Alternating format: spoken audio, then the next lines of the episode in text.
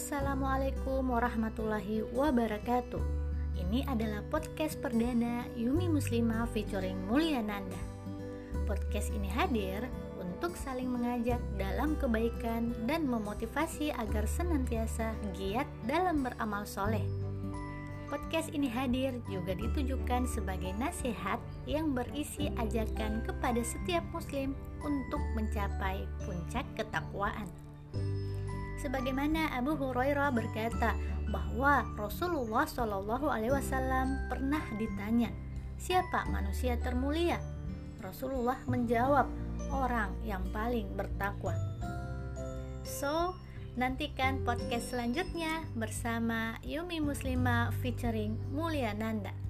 Wassalamualaikum warahmatullahi wabarakatuh.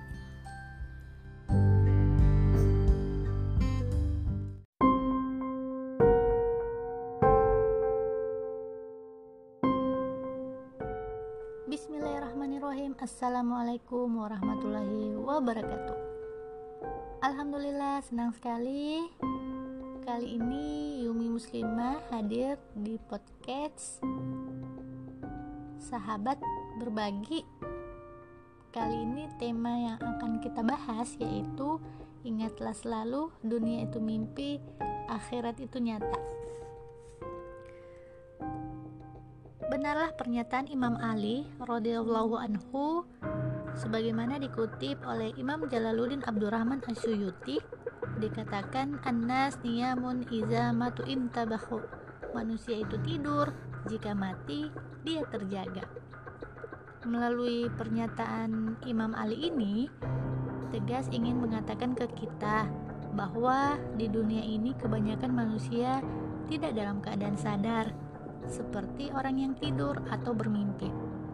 Hidupnya ia habiskan untuk urusan dunia, mengejar pangkat, jabatan, kekuasaan, harta, perempuan, dan kepuasan material yang sesaat dan tidak seberapa. Bahkan tidak jarang untuk mengejar semua impiannya itu, ia tak peduli lagi halal haram, pahala dan siksa, bahkan surga atau neraka pada saat yang sama justru ia melupakan upaya untuk memperbanyak amal soleh demi bekal di alam akhirat. Ia lupa juga, ia tak sadar bahwa kebahagiaan hakiki dan nyata adanya di akhirat. Tentu saat ia mampu meraih surga dan bergerak untuk menuju kepada kenikmatan yang di dalamnya dengan amal-amal soleh yang dia lakukan saat di dunia. Dia pun baru terjaga saat justru ajal menjemputnya. Saat itu, dia baru menyadari bahwa semua yang dia raih saat hidup di dunia ini, yaitu pangkat, jabatan, kekuasaan, harta, wanita, dan lain-lain, hanyalah semu. Semuanya tinggallah mimpi, semuanya tinggal kenangan, semuanya sudah terlambat. Saat itu, dia pun menyesal Keadaan ini persis seperti yang digambarkan oleh baginda Nabi Muhammad SAW. Tidaklah seseorang meninggal kecuali dia pasti menyesal. Sahabat bertanya, apa yang dia sesalkan wahai Rasulullah? Beliau menjawab, jika dia pelaku kebaikan, dia akan menyesal. Mengapa dia tidak melakukan lebih banyak lagi kebaikan? Jika dia pelaku keburukan, dia akan menyesal. Mengapa dia tidak sejak awal berhenti melakukan keburukan? Nah, bagi seorang muslim, sabda baginda Rasulullah Shallallahu alaihi wasallam dan kata-kata Imam Ali radhiyallahu anhu selayaknya menjadi bahan tafakur buat kita. Tentu baginda Rasulullah Shallallahu alaihi wasallam dan Imam Ali tidak sedang mengajarkan kita untuk membenci dunia atau anti terhadap dunia. Tidak, tidak sama sekali saudariku Keduanya hanyalah mengingatkan kita agar tidak menjadi budak-budak dunia, terlena oleh kehidupan dunia hingga melupakan amal soleh untuk bekal di alam akhirat. Wa ma taufiq illa billah. Nantikan podcast selanjutnya. Assalamualaikum warahmatullahi wabarakatuh.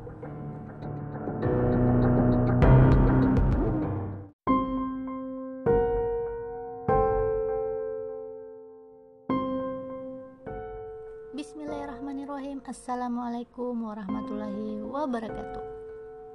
Alhamdulillah senang sekali.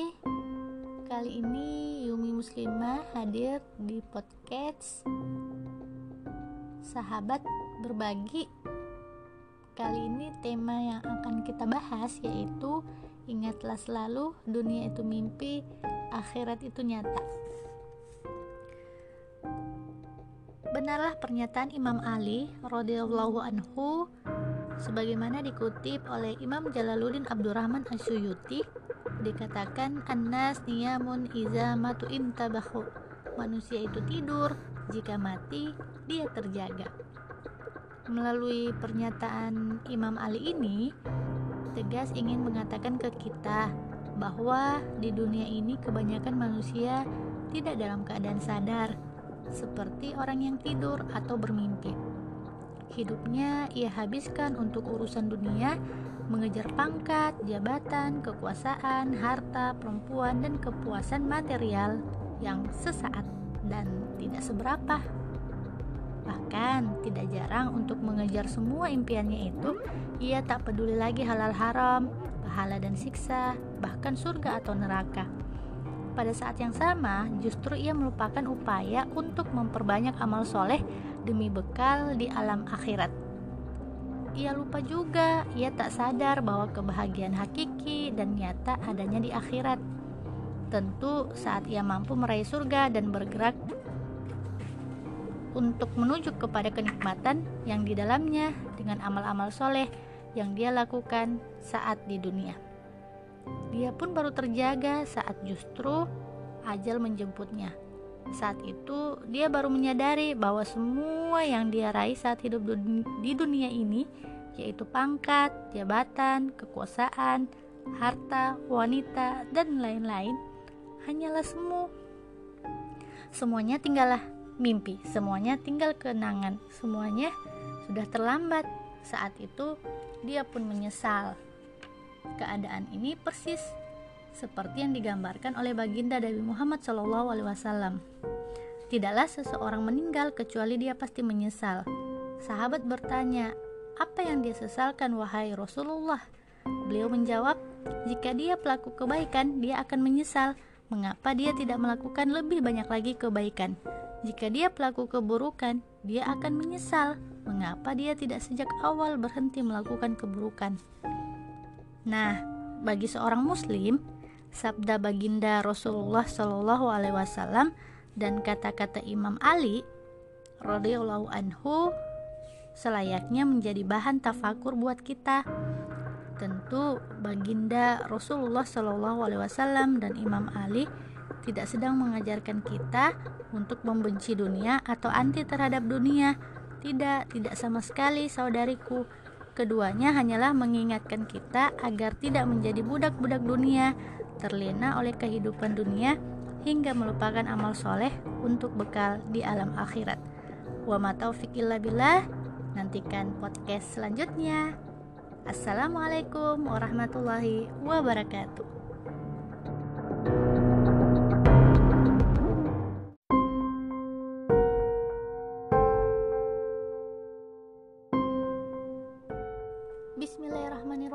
Assalamualaikum warahmatullahi wabarakatuh. Alhamdulillah senang sekali. Kali ini Yumi Muslimah hadir di podcast Sahabat Berbagi. Kali ini tema yang akan kita bahas yaitu Ingatlah selalu dunia itu mimpi, akhirat itu nyata Benarlah pernyataan Imam Ali radhiyallahu anhu sebagaimana dikutip oleh Imam Jalaluddin Abdurrahman Asyuyuti dikatakan annas niyamun iza matu intabahu. Manusia itu tidur jika mati dia terjaga. Melalui pernyataan Imam Ali ini tegas ingin mengatakan ke kita bahwa di dunia ini kebanyakan manusia tidak dalam keadaan sadar seperti orang yang tidur atau bermimpi. Hidupnya ia habiskan untuk urusan dunia, mengejar pangkat, jabatan, kekuasaan, harta, perempuan, dan kepuasan material yang sesaat dan tidak seberapa. Bahkan tidak jarang untuk mengejar semua impiannya itu, ia tak peduli lagi halal haram, pahala dan siksa, bahkan surga atau neraka. Pada saat yang sama, justru ia melupakan upaya untuk memperbanyak amal soleh demi bekal di alam akhirat. Ia lupa juga, ia tak sadar bahwa kebahagiaan hakiki dan nyata adanya di akhirat. Tentu saat ia mampu meraih surga dan bergerak untuk menuju kepada kenikmatan yang di dalamnya dengan amal-amal soleh yang dia lakukan saat di dunia. Dia pun baru terjaga saat justru ajal menjemputnya. Saat itu, dia baru menyadari bahwa semua yang dia raih saat hidup di dunia ini, yaitu pangkat, jabatan, kekuasaan, harta, wanita, dan lain-lain, hanyalah semu.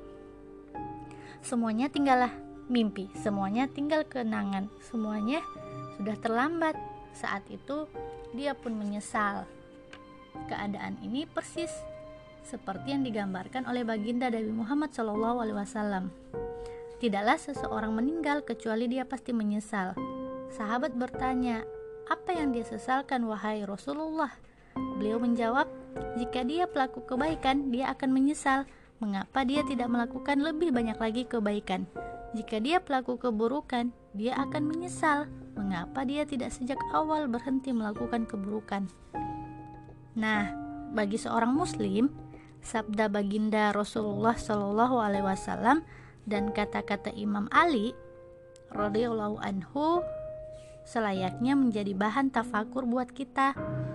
Tentu baginda Rasulullah Shallallahu alaihi wasallam dan Imam Ali tidak sedang mengajarkan kita untuk membenci dunia atau anti terhadap dunia. Tidak, tidak sama sekali saudariku. Keduanya hanyalah mengingatkan kita agar tidak menjadi budak-budak dunia, terlena oleh kehidupan dunia hingga melupakan amal soleh untuk bekal di alam akhirat. Wa ma taufiq illa billah. Nantikan podcast selanjutnya. Assalamualaikum warahmatullahi wabarakatuh.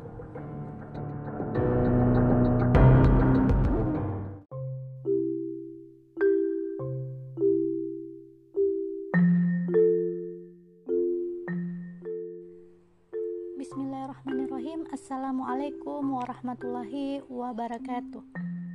Alhamdulillah kembali lagi di podcast Yumi Muslimah. Kali ini kita akan membahas satu tema yang sangat menarik Yaitu bersungguh-sungguh dalam ketaatan kepada Allah subhanahu wa ta'ala. Tahukah kita saudariku bahwa jantung yang ada dalam tubuh kita adalah alat pemompa yang amat menakjubkan ia bekerja terus tanpa henti sejak minggu keempat dari kehidupan manusia di dalam rahim hingga kematiannya. Jika seseorang berumur 60 tahun, berarti selama itulah jantungnya tidak pernah berhenti bekerja memompa darah. Adakah pemompa di dunia ini yang tahan bekerja selama 60 tahun tanpa henti? Tentu tidak. Nah, jantung manusia beratnya tidak lebih dari 250 gram ia berdenyut 70 kali per menit atau 1000 100 ribu kali per hari. Wah, luar biasa. Ia menyemprotkan darah sebanyak 5 liter per menit atau 1,5 juta galon per tahun. Luar biasa. Meskipun darah yang disemprotkan adalah yang itu-itu juga, alat pemompa yang menakjubkan ini mengirimkan ke darah ke selaput nadi, urat syaraf, dan pembuluh darah yang jika semua itu diletakkan secara berurutan pada sebuah garis lurus, maka panjangnya bisa sampai 60 sampai 100 ribu mil. Wow, Masya Allah, Allahu Akbar. Sungguh hebat bukan? Nah, saudariku, tahukah kita? Nih galaksi nih, Bima Sakti, galaksi Bima Sakti ya hanyalah salah satu galaksi atau gugusan bintang di dalam sistem tata surya kita. Galaksi Bima Sakti ini terdiri dari sekitar 200 miliar bintang. Para astronom memperkirakan bahwa di alam raya ini terdapat miliaran galaksi.